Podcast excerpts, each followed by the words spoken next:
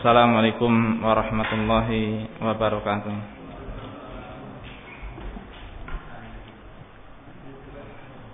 Innal hamdalillah nahmaduhu wa nasta'inuhu wa nastaghfiruh wa na'udzu billahi min shururi anfusina wa min sayyiati a'malina.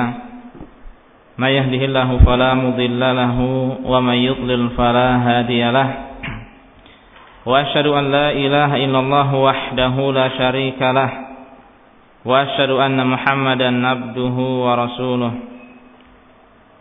يا أيها الذين آمنوا اتقوا الله حق تقاته ولا تموتن إلا وأنتم مسلمون يا أيها الناس اتقوا ربكم الذي خلقكم من نفس واحدة وخلق منها زوجها وبث منهما رجالا كثيرا ونساء واتقوا الله الذي تساءلون به والأرحام إن الله كان عليكم رقيبا. يا أيها الذين آمنوا اتقوا الله وقولوا قولا سديدا. يصلح لكم أعمالكم ويغفر لكم ذنوبكم ومن يطع الله ورسوله فقد فاز فوزا عظيما. أما بعد فإن أصدق الحديث كتاب الله وخير الهدي هدي محمد صلى الله عليه وسلم. وشر الأمور محدثاتها وكل محدثة بدعة وكل بدعة ضلالة وكل ضلالة في النار معاشر المسلمين para jamaah yang dirahmati Allah Subhanahu wa taala segala puji hendaknya kita senantiasa panjatkan kehadirat Allah Subhanahu wa taala yang kembali mengumpulkan kita di majlis ilmu di Masjid Darussalam dari pertemuan ini kita mohon agar Allah Subhanahu wa taala memberikan keberkahan pada diri kita memberikan keridhaan dan menjadikan niat kita adalah lurus karena Allah dan semoga kita diberikan ilmu yang bermanfaat dari apa yang disampaikan dari kitab Syarah Sahih Al-Adab Al-Mufrad. Pada pertemuan kali ini kita akan membahas bab yang ke-15 yang merupakan bab baru dan masih bercerita atau berbicara seputar cerita tentang birrul walidain. Langsung saja kita bacakan yaitu bab Ardul Islami 'alal ummin Nasraniyah yaitu menawarkan Islam kepada seorang ibu yang masih beragama Nasrani. Menawarkan Islam kepada keluarga, kepada orang tua yang beragama non non muslim. Nah, inilah cerita yang sering kita dengar. Cerita yang berkali-kali pun saya telah membawakan di majelis yang insya Allah penuh berkah ini. Yaitu kisah antara seorang sahabat mulia Abu Hurairah radhiyallahu taala anhu dengan ibunya. Yang mana Abu Hurairah radhiyallahu anhu berusaha mendakwah ibunya sekuat tenaga semaksimal mungkin. Hingga akhirnya dia meminta Rasulullah untuk mendoakan dan kemudian Allah mengabulkan doa Rasulullah SAW dan ibu dari Abu Hurairah radhiyallahu anhu yaitu masuk ajaran Islam. Kita baca saja an Abi Hurairah taqal dari Abu Hurairah radhiyallahu anhu dia berkata ma sami'a bi ahadun yahudiyun wala nasraniyun illa ahabbani. Perhatikan. Tidaklah seorang baik dia Yahudi atau Nasrani dia mendengar tentangku melainkan dia akan mencintaiku. Melainkan dia akan mencintai Abu Hurairah. Dan ini doa yang dikabulkan oleh Allah Subhanahu wa taala doa Rasulullah sallallahu alaihi wasallam kepada Abu Hurairah yang mana Allah Subhanahu wa taala mengabulkan doa tersebut.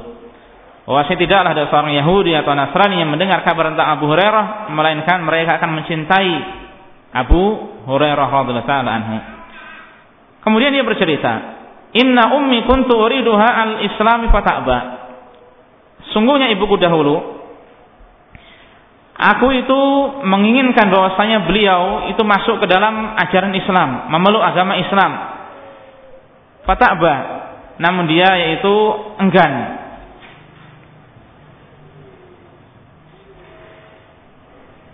Namun ibuku enggan, yaitu tidak mau masuk Islam. Fakultulaha fa'abat. Aku terus mendakwahi, namun dia enggan, tidak mau. Fa'ataitu Nabi sallallahu alaihi wasallam faqultu ud'u Allah laha. Sehingga aku mendatangi Rasulullah salatu wasallam, itu aku memohon pada Rasulullah, wahai Rasulullah doakan ibuku untuk masuk ke dalam Islam. Pada kemudian Rasulullah salatu wasallam mendoakan untuk ibu Abu Hurairah. Fa'ataituha wa qad ajafat 'alaihal bab. Kemudian aku pun mendatangi ibuku, aku pulang dari rumah Rasulullah, pulang ke rumahku, ternyata ibuku itu menutup pintu. Menutup pintu rumah.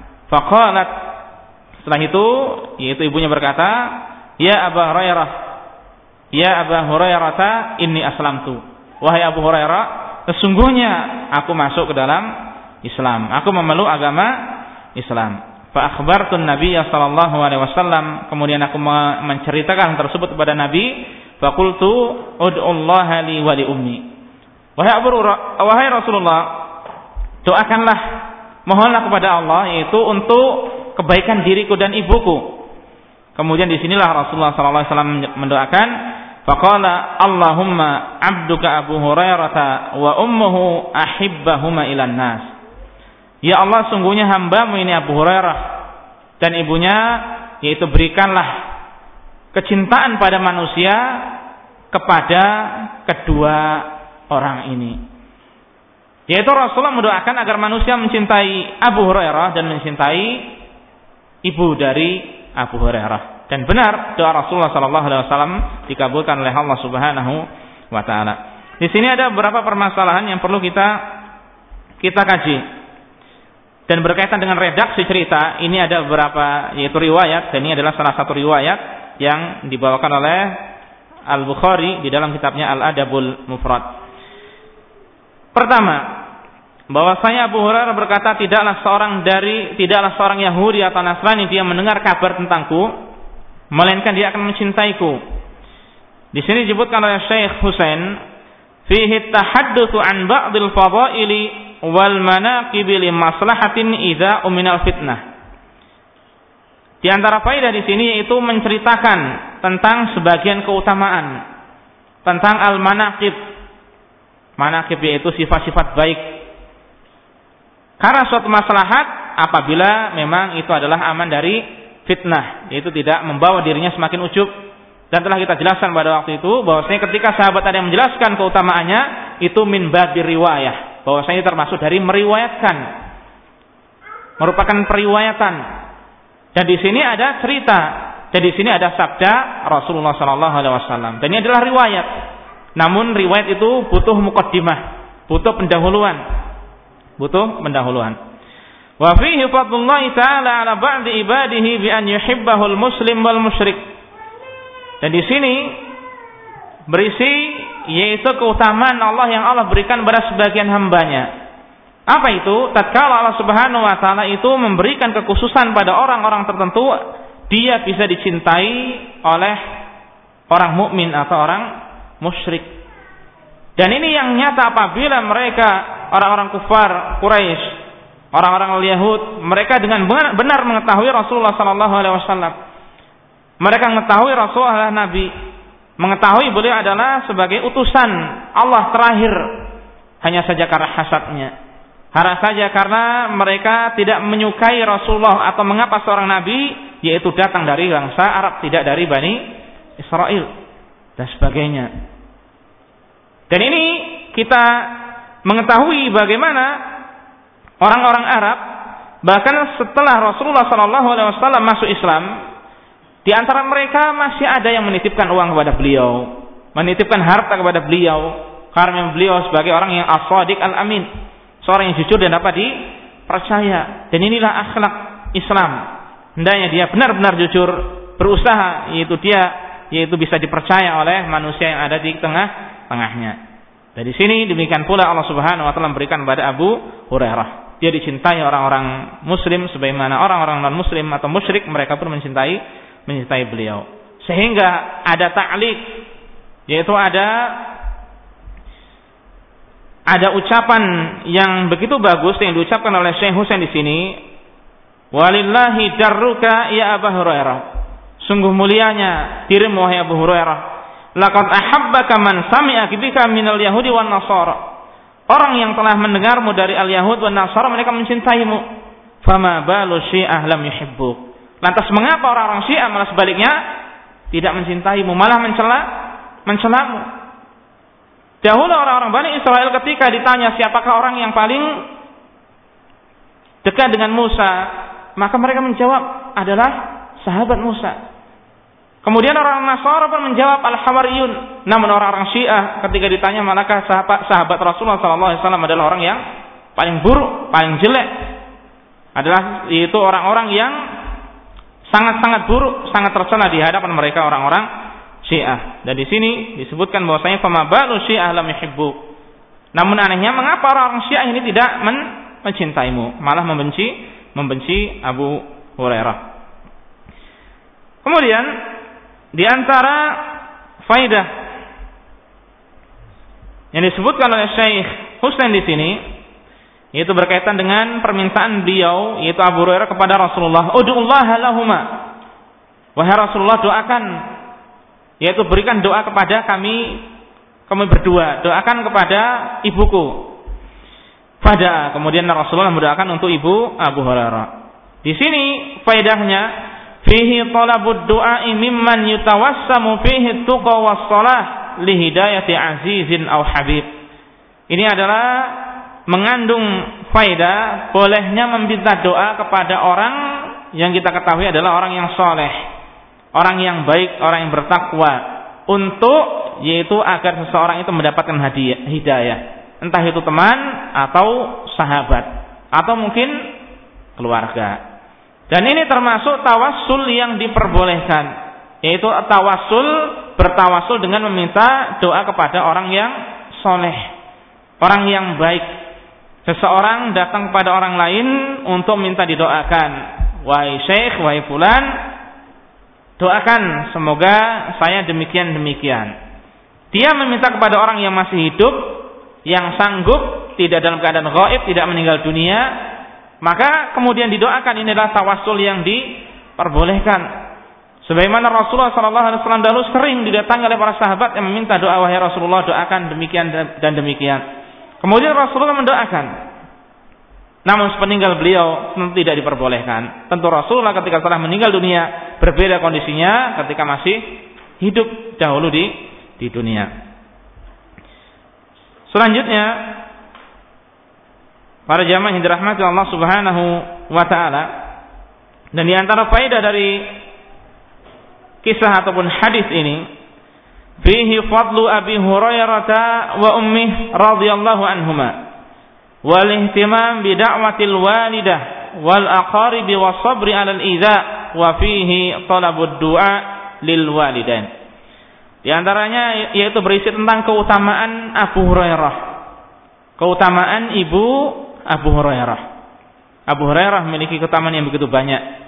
Abu Hurairah termasuk sahabat itu yang banyak mendapatkan doa dari Rasulullah Sallallahu Alaihi Wasallam.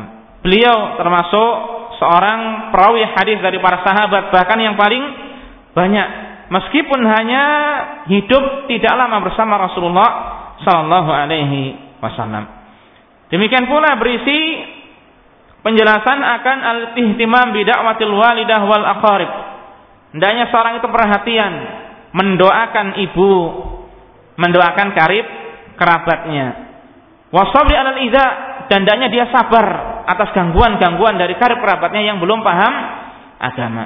Nah, di riwayat yang lainnya ketika Abu Hurairah yaitu mendakwahi ibunya, maka dia mendengarkan sesuatu yang dia benci dia mendengarkan ucapan dari ibunya yang mana itu mencela Rasulullah sallallahu alaihi wasallam sehingga menyakiti Abu Hurairah. Dan Abu Hurairah bersabar akan hal tersebut.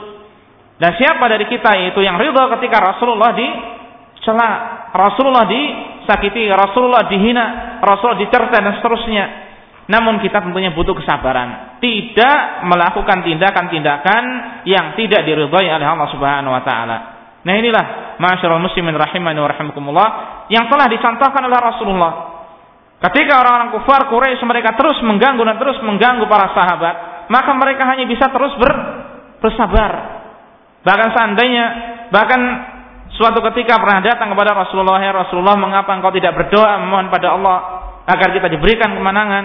Maka Rasulullah itu malah sebaliknya bercerita, beliau marah Dahulu umat sebelum kalian, di antara mereka itu ada yang ditanam di dalam tanah. Kemudian kepalanya ada yang digergaji sampai terbelah menjadi dua. Kemudian kulitnya di yaitu disiksa sehingga kelihatan tulangnya dan seterusnya. Namun ternyata mereka tidak sedikit pun goyah dari ajaran Islam. Maksudnya hal seperti ini memang telah diketahui ada sejak zaman dahulu.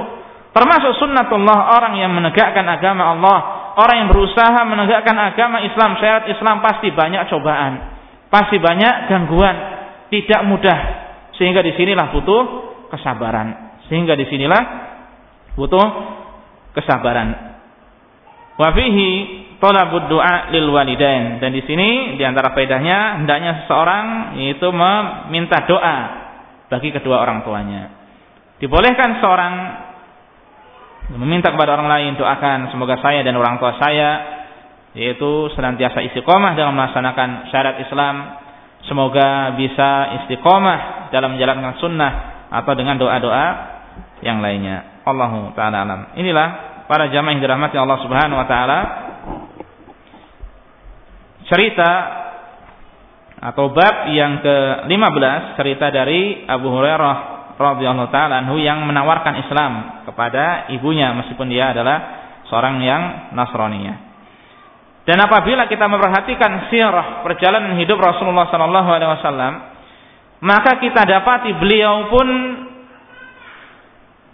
sering mendakwahkan ajaran Islam ini kepada siapa saja. Dan nanti insya Allah ada di antaranya. Ketika Allah yaitu memerintahkan Rasulullah memberikan peringatan, maka beliau keluar menuju pasar, menuju bukit, untuk mendakwahkan Islam kepada orang-orang kufar, kepada orang-orang Quraisy. Sebagaimana beliau pun pernah menjenguk seorang anak Yahudi yang sakit untuk menawarkan agar masuk Islam. Masuklah Islam, niscaya engkau akan selamat. Kemudian anak itu melihat kepada ayahnya. Ayahnya berkata, "Ati Abul Qasim." Taati Abul Qasim itu Rasulullah sallallahu alaihi wasallam. Sehingga anak itu pun yaitu masuk ke dalam agama Islam sehingga Rasulullah menjelaskan alhamdulillahilladzi anqadhahu bi minan nar. Segala puji bagi Allah yang telah menyelamatkan dirinya oleh sebabku yaitu dari api api neraka. Dan di sana ada beberapa riwayat yang menjelaskan tentang hal tersebut. Kemudian para jamaah rahimani wa rahimakumullah kita masuk ke bab yang baru yaitu bab ke-16 yaitu bab birrul walidaini ba'da mautihima. Berbakti kepada kedua orang tua sepeninggal keduanya.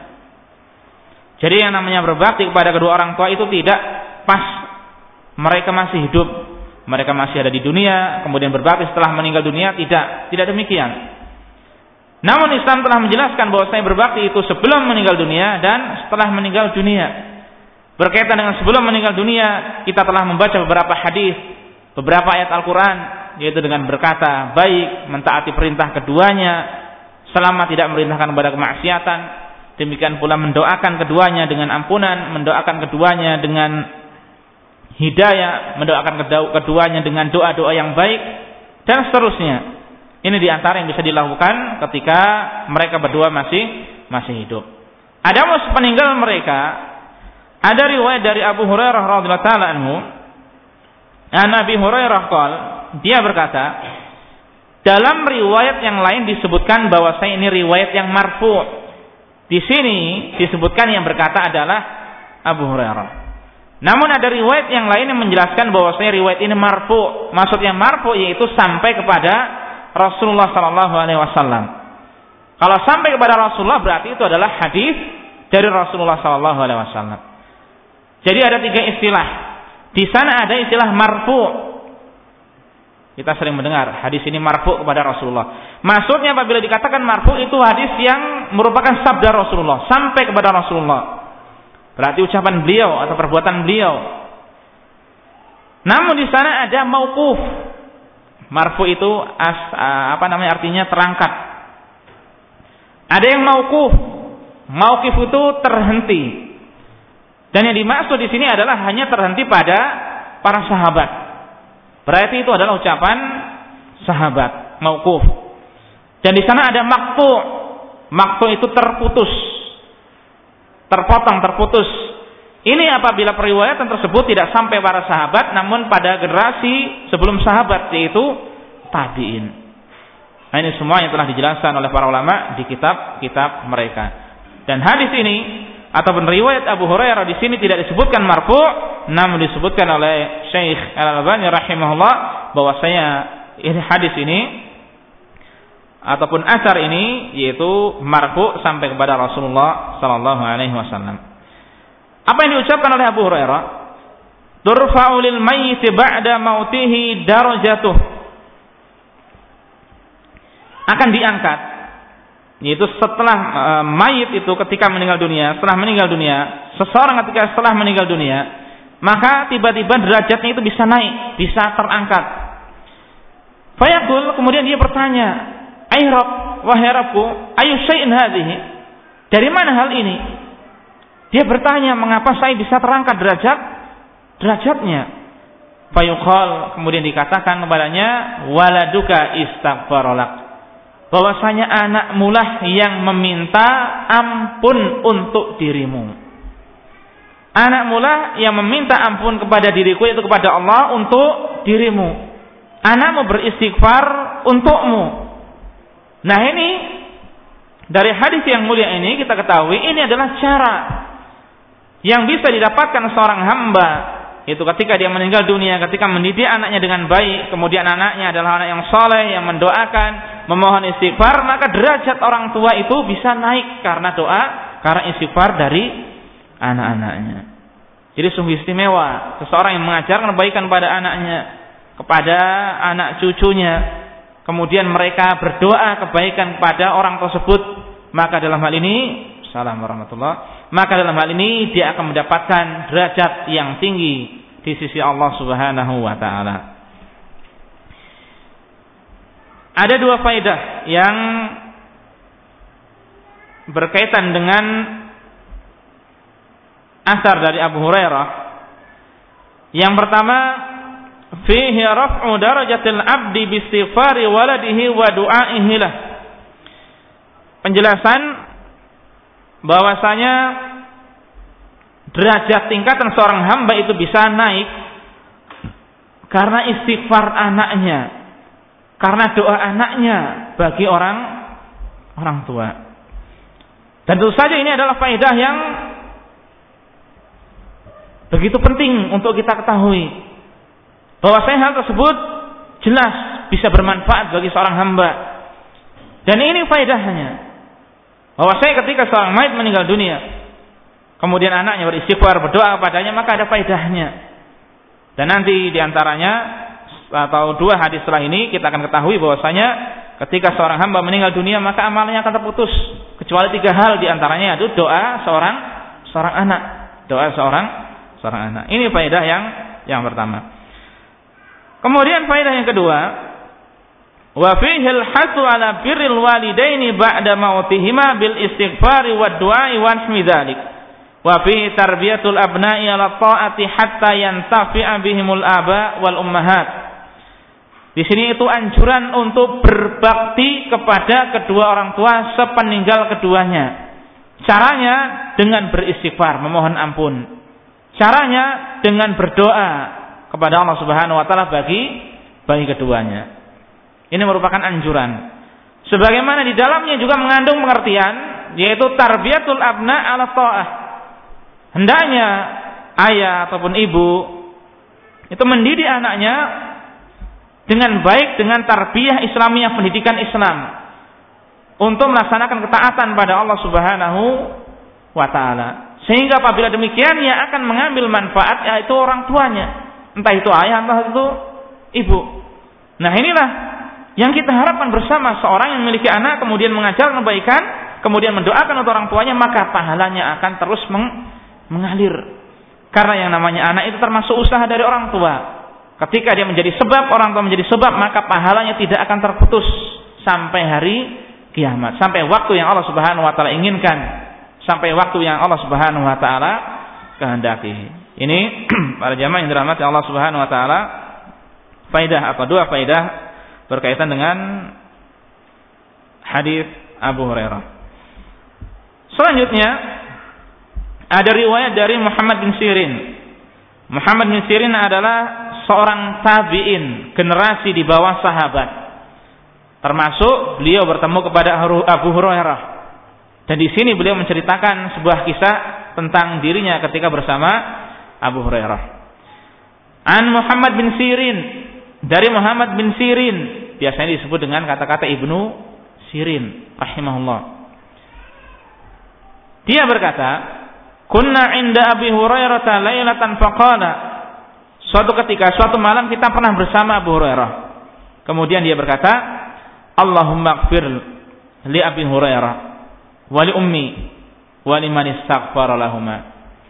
Ya Allah, ampunilah Abu Hurairah. Ampunilah ibu ibuku, yaitu ibu Abu Hurairah. Dan ampunilah orang yang memohon ampun bagi keduanya. Yang mendoakan adalah Abu Hurairah. Beliau meminta pertama, ya Allah ampunilah diriku, ampunilah umiku, ibuku, dan ampunilah yaitu orang-orang yang minta ampun kepada kepada diriku. Di sini ada satu adab yang penting untuk kita perhatikan. Tatkala seorang hamba dia berdoa, maka yang pertama doa yang dia tujukan adalah untuk dirinya sendiri. Bukan langsung kepada orang lain, kemudian baru dirinya tidak. Namun pertanyaan pertama dia menjaga dirinya dari api neraka, baru orang orang lain. Sebagaimana ketika kita doa, berdoa Rabbi firli wali walidayya warhamhum maka marbayani saghira. Ya Allah ampunilah diriku dan kedua orang tuaku dan didiklah keduanya sebagaimana mereka ketika mendidikku dengan rahmat dengan baik ketika aku eh, masih kecil. Nah di sini berdoa kepada diri, mendoakan diri sendiri, kemudian mendoakan orang tua, kemudian mendoakan yang lainnya. Qala Muhammad, kemudian Muhammad bin Sirin yaitu beliau berkata, Fanahnu nastaghfiru lahuma hatta nadkhula fi da'wati Abu Hurairah. Kami maka kami ikut mendoakan Abu Hurairah dan ibunya agar kita masuk ke dalam doanya Abu Hurairah. Ini cara yang dimanfaatkan oleh ulama-ulama salaf, oleh orang-orang terdahulu. Mereka tatkala menginginkan sesuatu memperhatikan bahwasanya doa Tentunya doa Abu Hurairah dengan orang-orang setelahnya sebagaimana kita ketahui para sahabat Allah Subhanahu wa taala telah meridhai mereka. Allah Subhanahu wa taala mencintai mereka. Bahwasanya mereka di antara mereka dijamin atau bahkan dari banyak dari mereka dijamin masuk surga dan seterusnya. Mereka memiliki banyak keutamaan. Sehingga Abu Hurairah ketika berdoa, Ya Allah ampunilah untuk diriku, untuk ibuku, dan untuk orang yang mendoakan atau memintakan ampun kepada keduanya, dimanfaatkan oleh Muhammad bin Sirin. Siapa yang mendoakan, ya Allah ampunilah ibu Abu Hurairah, ampunilah Abu Hurairah dan ibunya, maka dia akan masuk ke dalam doa Abu Abu Hurairah. Karena Abu Hurairah mendoakan, ya Allah ampunilah juga bagi orang yang memohonkan ampun kepada keduanya, itu kepada Abu Hurairah dan dan ibunya. Demikian pula apabila kita mendengar cerita ulama salaf dahulu, di antara mereka ketika mendengarkan hadis dari Rasulullah sallallahu alaihi wasallam bahwasanya apabila ada seorang yang mendoakan orang lain tanpa sepengetahuan fulan A berdoa kepada Allah itu memohonkan kepada fulan B agar fulan B ini diberikan kemudahan, diberikan keberkahan, diberikan taufik, diberikan hidayah dan seterusnya. Maka di sisinya itu ada malaikat. Malaikat itu mengamini dan mengatakan wala kebimislin dan semoga dirimu pun mendapatkan seperti apa yang engkau minta engkau doakan untuk saudaramu. Sehingga ulama salaf di antara mereka dahulu ketika menginginkan doanya dikabulkan, justru bukan berdoa untuk dirinya, berdoa untuk orang lain. Orang lain yang mendoakan dirinya, namun dirinya mendoakan malaikat. Cara yang cerdas yang telah ditunjukkan oleh kaum salaf. Jadi mereka demikian melakukan seperti ini ketika menginginkan keberkahan bukan hanya mendoakan untuk dirinya tidak, namun doa yaitu mendoakan kebaikan untuk orang lain tanpa sepengetahuan orang tersebut dan ini termasuk doa yang mustajab, doa yang dikabulkan oleh Allah Subhanahu wa taala. Ini pemahaman yang begitu mendalam yang dipahami oleh ulama salaf yaitu dahulu. Berkaitan dengan riwayat Muhammad bin Sirin rahimahullah, di sini pun ada dua faedah yang bisa kita ambil. Yang pertama, hirsu Abi Hurairah ala birri ummihi wa talabil istighfari minal muslimin. Berkali-kali kita mendengar, mendengar dan membahas Abu Hurairah. Yaitu antusias Abu Hurairah untuk berbakti kepada ibunya. Dan dia yaitu mendoakan istighfar bagi kaum muslimin. Abu Hurairah memberikan kesempatan mendoakan istighfar bagi kaum muslimin. Bagi yang mendoakan bagi Abu Hurairah dan uminya yaitu ampunan dari Allah Subhanahu wa taala. Nah, ini dari beberapa riwayat yang ada termasuk riwayat ini kita dapatkan bagaimana sikap Abu Hurairah terhadap ibunya. Sangat berbakti kepada kedua orang tua. Baik ketika ibunya belum memeluk agama Islam. Demikian pula setelah masuk Islam terus mendoakan kedua orang tuanya. Dan ini di antara cara di hadapan yaitu murid-murid beliau dari kalangan tabi'in menjelaskan dia memohon doa untuk dirinya, kemudian untuk ibu ibunya. Dan ini termasuk dari birrul walidain. Dan inilah yang bisa digunakan seorang hamba ketika itu orang tuanya telah meninggal dunia. Bahkan ketika masih hidup pun tidak mengapa. Doa yang baik, doa ampunan, doa hidayah, doa yang lainnya ini adalah tentunya cara berbakti kepada kedua kedua orang tua. Ini yang pertama, antusias Abu Hurairah dalam berbakti kepada kedua orang tuanya. Wa fihi al-hirsu ala naili da'wati sahabah radhiyallahu anhum. فنسأل الله تعالى أن يغفر لنا ولوالدينا أو ولوالدينا ولأبي هريرة وأمه وللمؤمنين والمؤمنات. Demikian pula di sini berisi antusias untuk mendapatkan doa sahabat yang dilakukan oleh Muhammad bin Sirin. Muhammad bin Sirin ketika mendengar Abu Hurairah demikian mengabarkan kepada yaitu generasi selanjutnya. Bahwasanya kami pun mendoakan. Mendoakan Abu Hurairah dan ibunya agar kita mendapatkan doa dari Abu Hurairah. Dari sini begitu antusias. Generasi setelahnya begitu antusias untuk mendapatkan dakwah para sahabat Rasulullah yaitu doa para sahabat radhiyallahu taala taala anhum. Sehingga apa yang dikatakan oleh Syekh Husain Allah taala an yaghfir lana wa liwalidina. Kita memohon pada Allah untuk mengampuni diri-diri kita mengampuni kedua orang tua kita mengampuni Abu Hurairah mengampuni ibu Abu Hurairah mengampuni kaum muslimin yaitu uh, kaum mukminin dan mukminat.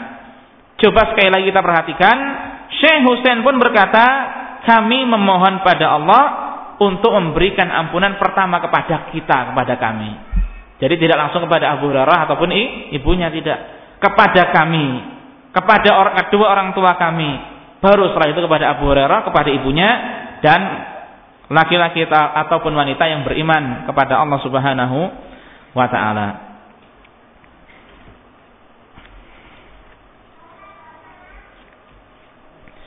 Syukran Jazakallahu Selanjutnya para jamaah yang dirahmati Allah Subhanahu wa taala, itu dua faedah yang bisa kita dapatkan dari kisah Muhammad bin Sirim yang menceritakan tentang Abu Hurairah. Kemudian hadis selanjutnya masih bab ke-16. Sekali lagi hadisnya pun tentang Abu Hurairah, yaitu dari Abu Hurairah. Dari Abu Hurairah tadi, kemudian di sini Muhammad bin Sirin Abu Hurairah, kemudian di sini pun dari Abu Hurairah radhiyallahu taala anhu. An Abi Hurairah anna Rasulullah sallallahu alaihi wasallam qaal dari Abu Hurairah bahwasanya Rasulullah bersabda ini yang telah saya singgung sedikit tadi Idza masal abdun qata anhu amaluhu illa min salasin. Apabila seorang hamba itu meninggal dunia maka amalannya akan terputus. Amalan yang biasa dia kerjakan entah itu salat pula sedekah maka sudah terputus dengan meninggal dunia illa min salasin kecuali tiga. Tiga amalan.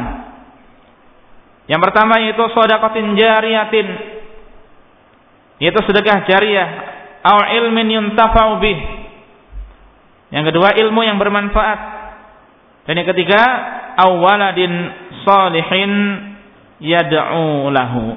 Atau anak yang soleh yaitu yang baik yang mendoakan kedua orang tuanya atau yang mendoakan yaitu orang yang meninggal dunia dari orang tuanya tersebut. Nah ini masuk ke dalam cara berbakti kepada kedua orang tua setelah meninggal keduanya.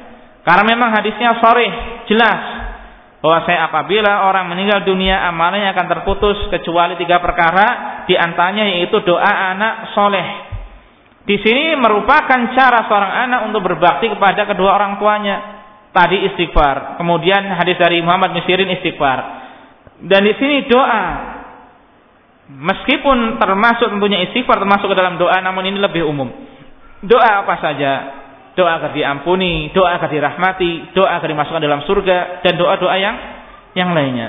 Nah, di sini adalah cara seorang hamba yaitu untuk berbakti pada orang tua sepeninggal sepeninggal keduanya.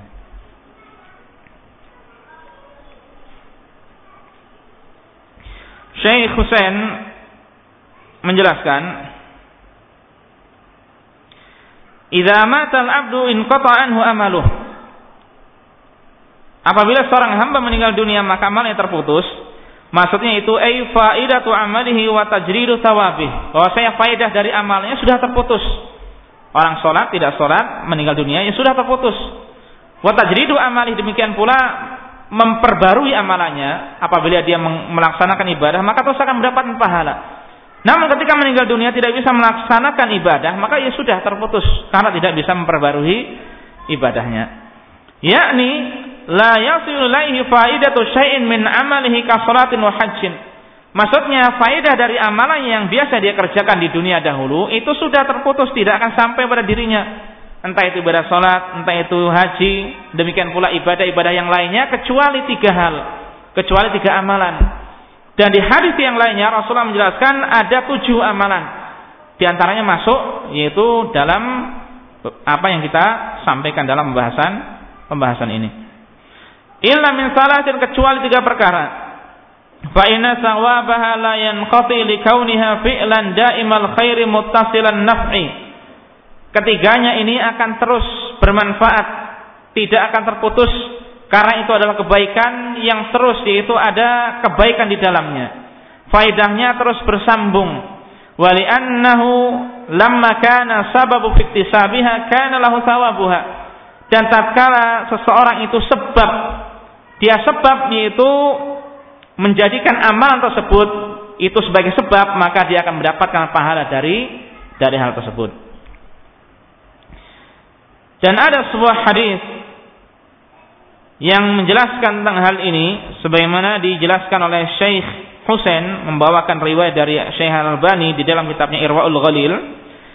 Beliau mengucapkan inna atyaba ma akaltum min kasbikum wa inna awladakum min kasbikum.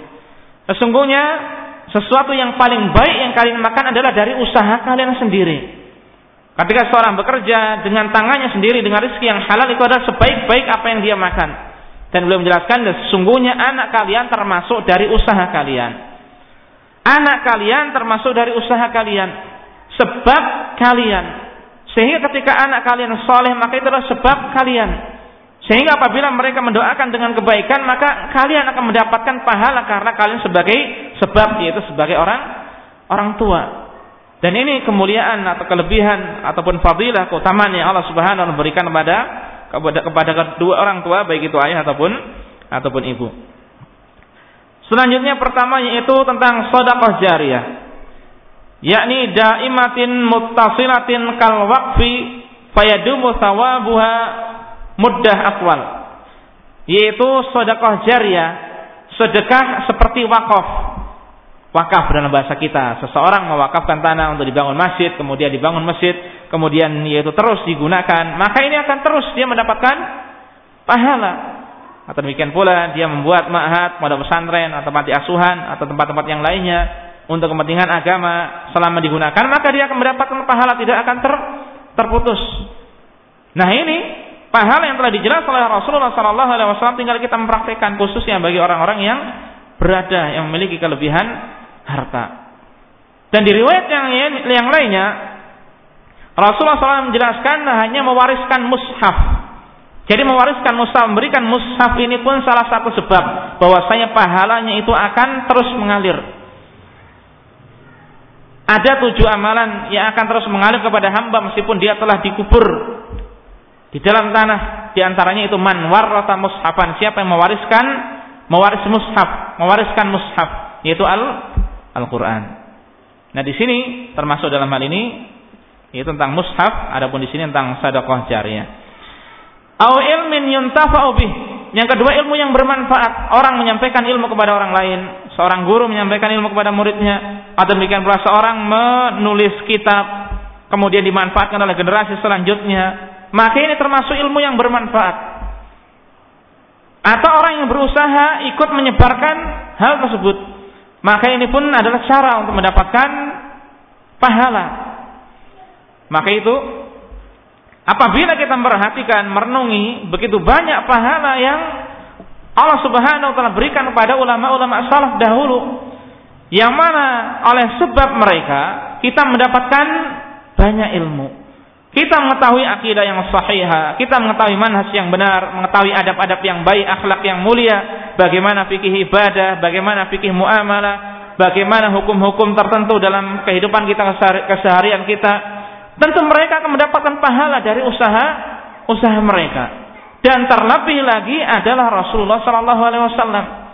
Rasulullah adalah orang yang membawa kaum muslimin secara zahirnya adalah para sahabat dari alam kegelapan kaum jahiliyah yang penuh dengan kesyirikan, penuh dengan kemunafikan, penuh dengan kemaksiatan dan kemungkaran kemudian dibawa kepada cahaya tauhid, kepada terangnya yaitu ajaran Islam. Namun bukan berarti itu terhenti pada para sahabat. Karena ilmu Rasulullah Sallallahu Alaihi Wasallam diwariskan oleh para sahabat kepada tabiin, tabiut tabiin, tabiut tabiin dan seterusnya sampai sampai kita. Tentu sekiranya seorang hamba itu tidak mendoakan Rasulullah ketika kita mengamarkan ajaran Islam maka Rasulullah Sallallahu Alaihi Wasallam mendapatkan bagian. Rasul sendiri yang mengucapkan mandalla ala khairin bahwa falahu mitlu ajri fa'ilihi Siapa yang menunjukkan pada kebaikan, maka dia akan mendapatkan pahala seperti orang yang melaksanakan. Orang yang pertama kali memberikan menunjukkan kita kepada kebaikan, hakikat sebenarnya adalah Rasulullah Sallallahu Alaihi Wasallam. Jadi tidak perlu kita kirim-kirim doa kepada beliau. Cukup bersolawat dengan salawat yang syar'i, cukup kita beramal soleh, maka inilah cara Rasulullah mendapatkan pahala. Sebaliknya ketika seseorang mencontohkan keburukan kemudian diikuti oleh orang banyak, maka orang tersebut akan mendapatkan dosa. Sebagaimana anak Adam yang pertama yang membunuh saudaranya disebutkan di riwayat yaitu bahwasanya namanya Qabil dan Habil. Namun ada ulama yang meneliti bahwasanya periwayatan seperti itu adalah periwayatan dari tidak pernah diketahui dalam syariat Islam. Allah alam ada yang menyatakan itu adalah riwayat Isra Israiliyah. Tidak pernah dikenal namanya Habil dan Qabil. Terlepas dari itu salah satu membunuh saudaranya. Dan ini merupakan contoh yang tidak baik. Sehingga Rasulullah SAW menjelaskan, Man min nafsin tuqtalu dhulman, tidaklah ada jiwa yang dibunuh secara zalim, secara yaitu tidak ada haknya, tidak dengan sebab yang benar, illa kala illa kana ala walad ibni Adam kiflun min damiha. Melainkan anak Adam yang pertama akan mendapatkan bagian dari dosanya. Karena apa? Mencontohkan li'annahu awalu man sannal qatla. Karena adalah orang yang pertama mencontohkan pembunuhan. Begitu mengerikan yaitu hukum hubungan sebab akibat. Bahwasanya al jaza min jinsil amal. Bahwasanya balasan itu sesuai dengan perbuatan yang dilakukan oleh seorang seorang hamba.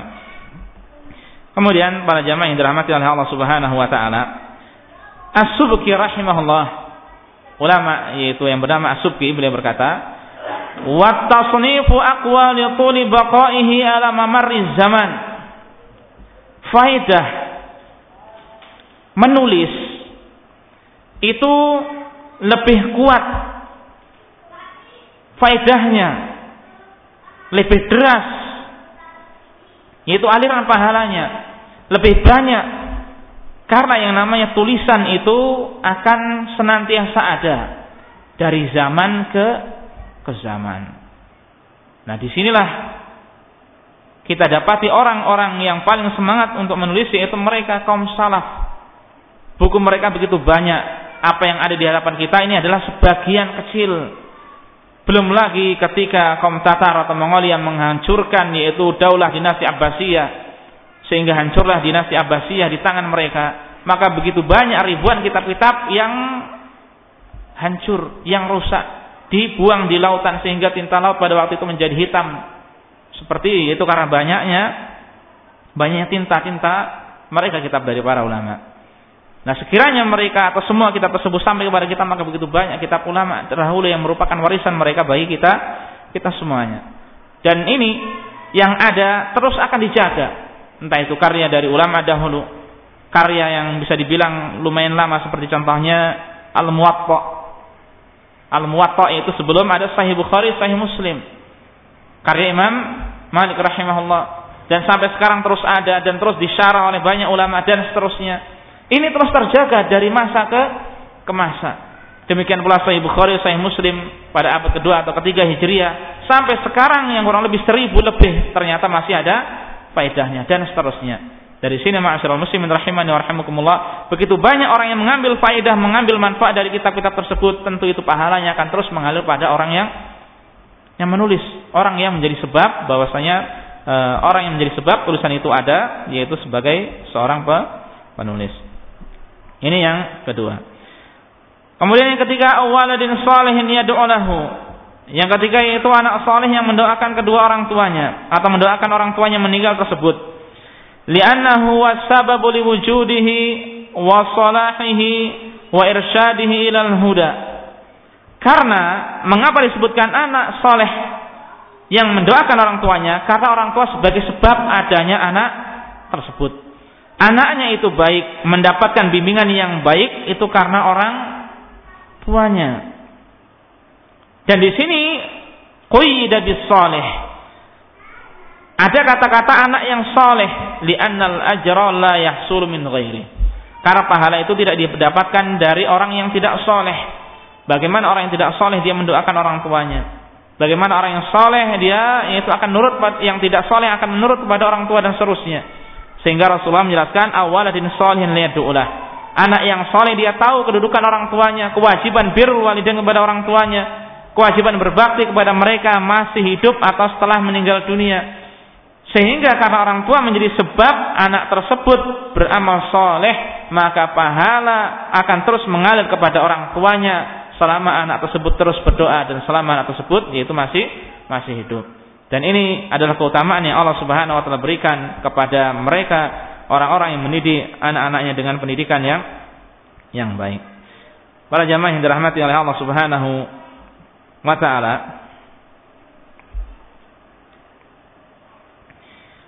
dijelaskan oleh Halimah An-Nawawi rahimahullah di antara faedahnya wa fihi fadilatu zawaji li rajai waladin salih ini merupakan salah satu dalil yang menjelaskan keutamaan menikah dengan niat untuk mendapatkan anak yang soleh, keturunan yang baik.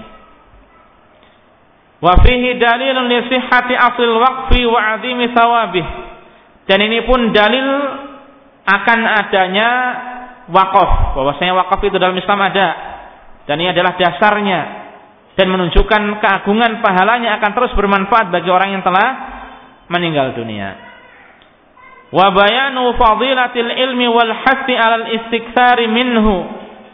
Demikian pula penjelasan tentang keutamaan ilmu dan anjuran untuk memperbanyak menuntut ilmu. Wa targhibi fi tawrithihi bit ta'limi wat tasnifi wal idah dan anjuran untuk mewariskan ilmu tersebut dengan mengajarkan, dengan menulis tulisan, demikian pula dengan menjelaskan, berikan penjelasan. Dengan yaitu menjelaskan kepada kepada umat. Wa annahu yanbaghi an yakhtara minal ulumil anfa fal anfa. dan sudah sepatutnya seorang itu memilih ilmu yang bermanfaat. Yang pertama yang paling bermanfaat, kemudian yang bermanfaat dan seterusnya. Dan di sini apabila kita pelajari yaitu dakwah para nabi dan rasul termasuk dakwah Rasulullah sallallahu alaihi wasallam, maka beliau adalah yang pertama beliau dakwahkan adalah tentang tauhid, tentang akidah. Waktunya sudah habis. Para jamaah yang dirahmati Allah Subhanahu wa taala, di sini ada penjelasan sedikit berkaitan dengan hadis dari Abu Hurairah. Kemudian Syekh Husain berkata, "Fahris Abdullah ala sadaqatil jariyati qallat aw kasurat." Maka itu wahai hamba Allah kata beliau. Hendaklah engkau antusias untuk bersedekah, mengeluarkan sedekah jariyah. Qallat aw kasurat Baik itu sedikit atau lebih banyak itu tentu lebih baik. Wa in lam takun aliman aw taliba ilmin aw dha qudwatin al kitabati wat tasnif fanshuril kutuban nafi'ata wa wazzi'ha liwajhillah. Apabila engkau bukan termasuk orang yang berilmu, bukan orang yang mampu untuk menulis, bukan orang yang mampu untuk menulis artikel, makalah, buku dan sebagainya, fanshuril kutuban nafi'ah maka sebarkanlah ilmu-ilmu yang bermanfaat, buku-buku yang bermanfaat, wa. Dan sebarkanlah itu seraya mengharap wajah Allah Subhanahu wa taala.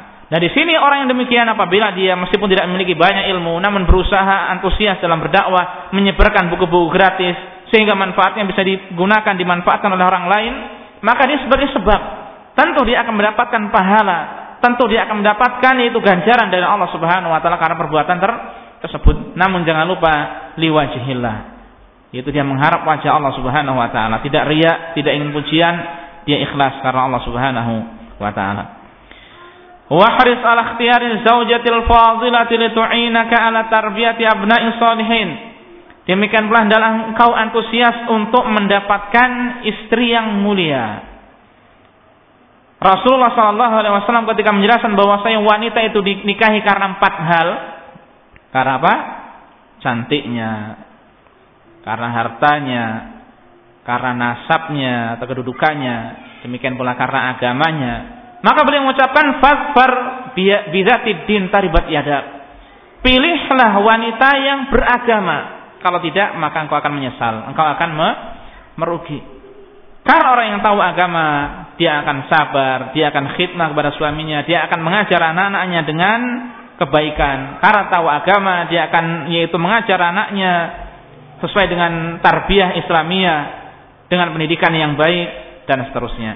Nah, di sini beliau menasihati kita agar khususnya bagi yang belum zuat ini yang belum menikah untuk memilih istri yang solihah, istri yang utama. Sehingga tentunya bisa membantu untuk mendidik anak-anak yang soleh.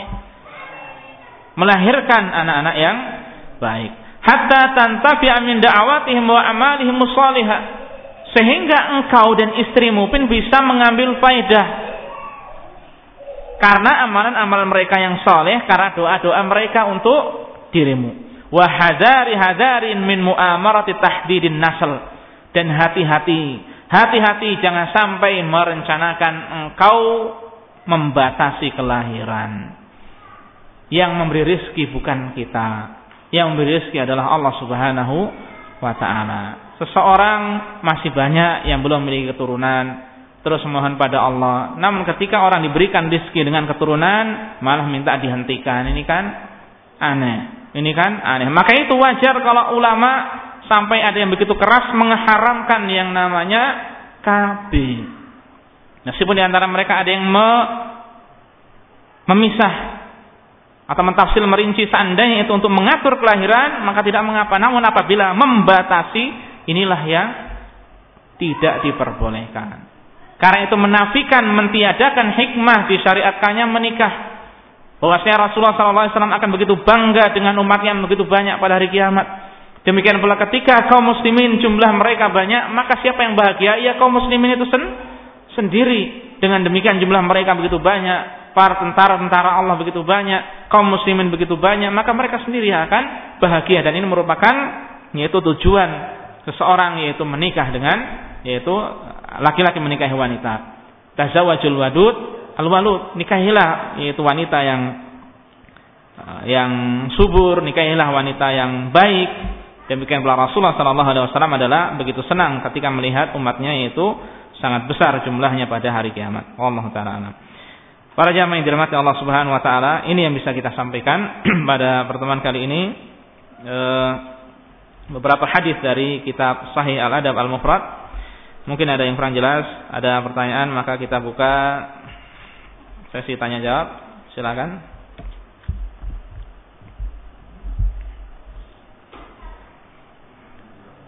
Nah, masih.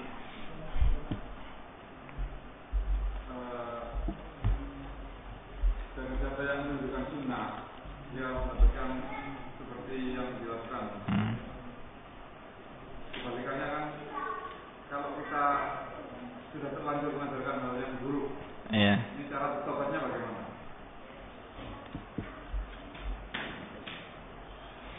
Baik, berkaitan dengan hal tersebut tentu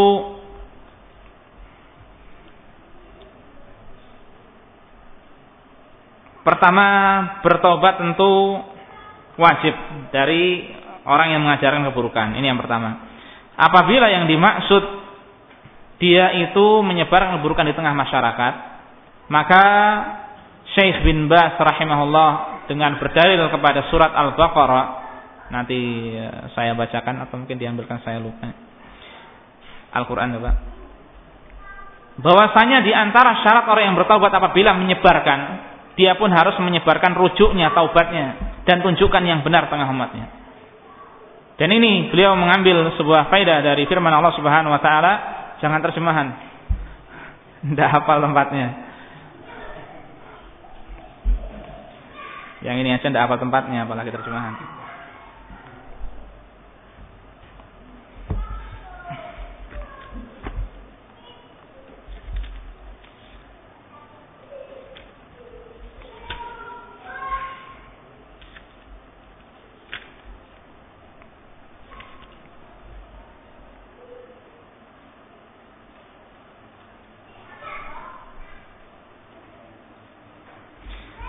Yaitu di dalam surat Al-Baqarah ayat ke-159 dan 160. Dan ini digunakan oleh para ulama. Yaitu firman Allah Subhanahu wa taala, "Innal ladzina yaktumuna ma anzalna minal bayyinati wal huda min ba'di ma bayyanahu lin-nasi fil kitabi ulaika yal'anuhumullahu wa yal'anuhumul la'inun." Illa alladzina tabu wa aslahu wa bayyanu fa ulaika atubu 'alaihim wa ana rahim. Sesungguhnya orang yang men, yaitu menyimpan tidak disampaikan kepada umat. Berarti ini adalah usaha untuk menyesatkan orang lain. Menyimpan keterangan dan petunjuk yang kami telah turunkan setelah jelas baginya yaitu apa namanya petunjuk tersebut menurun dia, dia tidak menyebarkan kepada umat manusia padahal mereka padahal dia sudah tahu petunjuk tersebut ulaika yal'anuhumullah wa yal'anuhumul la'inun. Maka orang seperti ini dilaknat oleh Allah dan dilaknat oleh orang-orang yang melaknat. Kemudian dia uh, kemudian Allah menjelaskan illa ladzina tabu wa aslahu wa bayyanu. Kemudian kecuali orang-orang yang bertaubat, berbuat baik dan menjelaskan. Ini menjelaskan. Jadi menjelaskan bahwasanya itu adalah tidak baik apabila telah tersebar luas. Seseorang contohnya dulu menyebarkan buku-buku sesat atau demikian pula tulisan-tulisan sesat kemudian tulisan tersebut yaitu e, gimana mau ditarik? Tentu tidak bisa. Maka sebarkan sebagai rujuk berusaha semaksimal mungkin yang jelas dia menyebarkan. Baik sampai atau tidak itu urusan bukan urusan kita yang jelas. Itu tentunya kita serahkan pada Allah Subhanahu wa taala. Yang jelas kita sudah berusaha. Nah illal ladzina tabu wa aslahu wa bayanu. Kecuali orang-orang yang bertobat berislah dan menjelaskan hal tersebut. Nah dari dalil ini Faulaika atubu alaihim wa ana rahim. Maka orang yang demikian aku terima taubatnya dan aku Maha menerima taubat lagi Maha yaitu penyayang. Ini yang dijelaskan. Wallahu taala alam.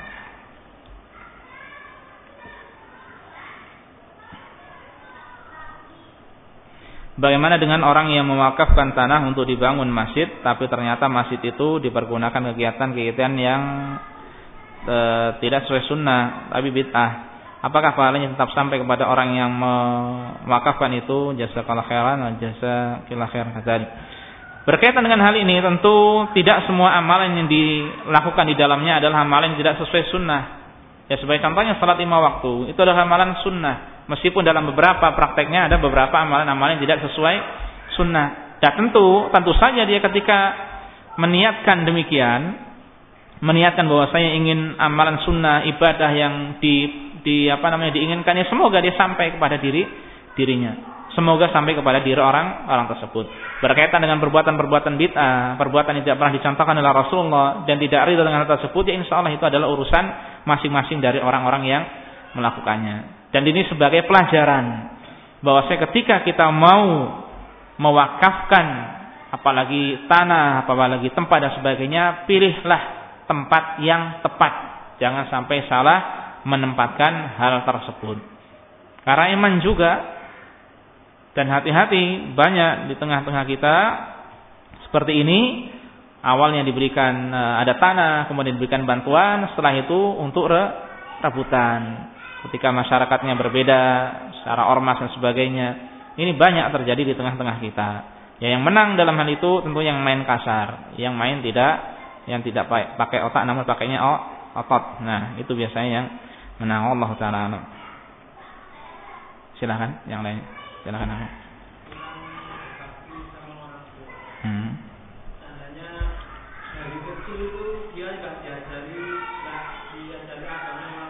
Hmm.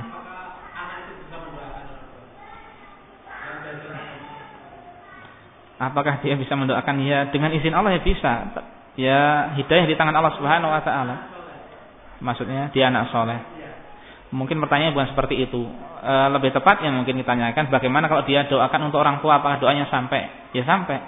Tetap kalau dia anak soleh dan ini tentunya keterbatasan orang tua orang tua kan macam-macam. Ada yang memang paham sunnah, ada yang tinggal di tengah orang-orang yang tidak baik sehingga tidak paham sunnah, sehingga tidak mengajarkan ajaran Islam. Namun ternyata anaknya paham. Nah di situlah anaknya ketika mengetahui hal tersebut dia doakan kebaikan untuk orang orang tuanya. Apakah bisa? Ya bisa. Apakah boleh? Ya boleh. Justru bagus. Justru itulah birul wali walidain. Dan orang tua ya semoga diberikan udzur oleh Allah Subhanahu wa taala karena keterbatasan ilmu, karena tempat yang penuh dengan kemaksiatan dan sebagainya. Tinggal kita mohon pada Allah Subhanahu wa taala semoga di yaitu diampuni mereka.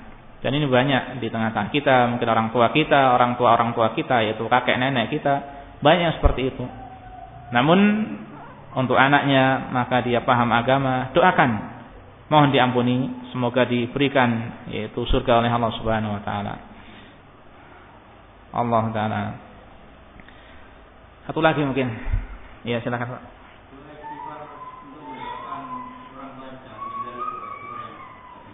Oh, doa istighfar. Kalau kita memperhatikan apa yang dibawakan oleh para ulama maka mereka biasa mendoakan dengan lafaz Rabbighfirli wa liwalidayya warhamhuma kama rabbayani shaghira. Insyaallah Bapak hafal ya. Rabbighfirli wa liwalidayya warhamhuma kama rabbayani shaghira. Atau kita dengan lafaz bahasa Indonesia ketika kita berdoa, ya Allah ampunilah orang tuaku. Ya Allah berilah apa namanya masukkan ke dalam surga, rahmatilah orang tuaku. Dengan bahasa kita tidak mengapa. Namun kalau bawa bahasa Arab, ya Rabbighfirli wa liwalidayya warhamhuma kama rabbayani shaghira. Itu di antara. Kalau di Al-Quran, Rabbir Rabbighfirli uh, gimana? Rabbikfir warham ya Wakur rabbirhamhuma kama rabbayani saghir. Kalau di Al-Qur'an dan katakanlah rabbirhamhuma kama rabbayani saghir. Itu mohon dirahmati. Namun secara prakteknya itu rabbighfirli wa liwalidayya warhamhuma kama rabbayani saghir. Allah taala. Atau satu lagi mungkin sampai jam 7. Ya, silakan akhi.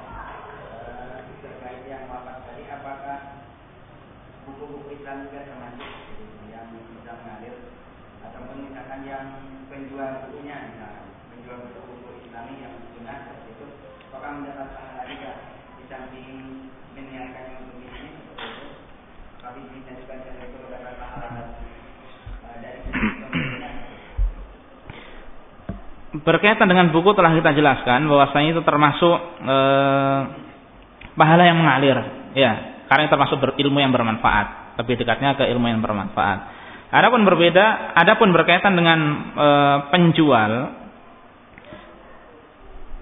kalau dikatakan mereka ya teman-teman banyak yang seperti itu, itu pun termasuk bisa kita bilang usaha. Mereka menjadi sebab. Mereka termasuk menjadi sebab. Ya semoga mereka masuk ke dalamnya. Berkaitan dengan bisnis ya untuk model tidak mungkin kecuali seperti itu. Ya, antum mau kulaan lagi, beli buku lagi, ya tidak bisa kecuali ya seperti itu. Jadi mereka menjamak, mengumpulkan antara dunia dan akhirat. Dunia untuk melanjutkan usahanya. Ya akhirat semoga mereka mendapatkan. Mereka usaha. Menjual majalah, menjual eh, buku-buku islami. Semoga mereka mendapatkan. Dan itu adalah usaha dari mereka. Ya. Maka itu maka itu e, tentunya bagi kita yang menjual jual buku usahakan buku yang kita jual adalah buku-buku yang islami, buku-buku yang baik, benar-benar apa namanya kita filter, tidak semua buku kita jual, buku yang berisi keburukan kita jual Ketika kita banyak buku-buku primbon dijual dan sebagainya lah, tidak. Atau buku kita lihat zahirnya adab-adab neraka, kita buka gambar-gambar macam-macam, ada yang ditusuk ini itu dan sebagainya. Ini banyak di SD-SD biasanya banyak. Biasanya paling laris buku-buku seperti ini. Ya. Dan lain sebagainya. Atau doa-doa tertentu. Doa-doa tidak tahu dapat dari mana, dari wangsit mungkin orang tersebut. Nah, ini tidak tidak benar. Kalau seperti ini jangan. Nauzubillah min. Iya, makanya dakwahkan kitab-kitab yang sesuai dengan manhaj salaf. Allah taala. Inilah para jamaah yang dirahmati Allah, Allah Subhanahu wa taala apa yang bisa kita sampaikan pada pertemuan kali ini. Semoga bermanfaat bagi kita semuanya. Mohon maaf apabila ada kata-kata yang kurang berkenan. Subhanakallah bihamdika asyhadu an la ilaha anta. Assalamualaikum warahmatullahi wabarakatuh.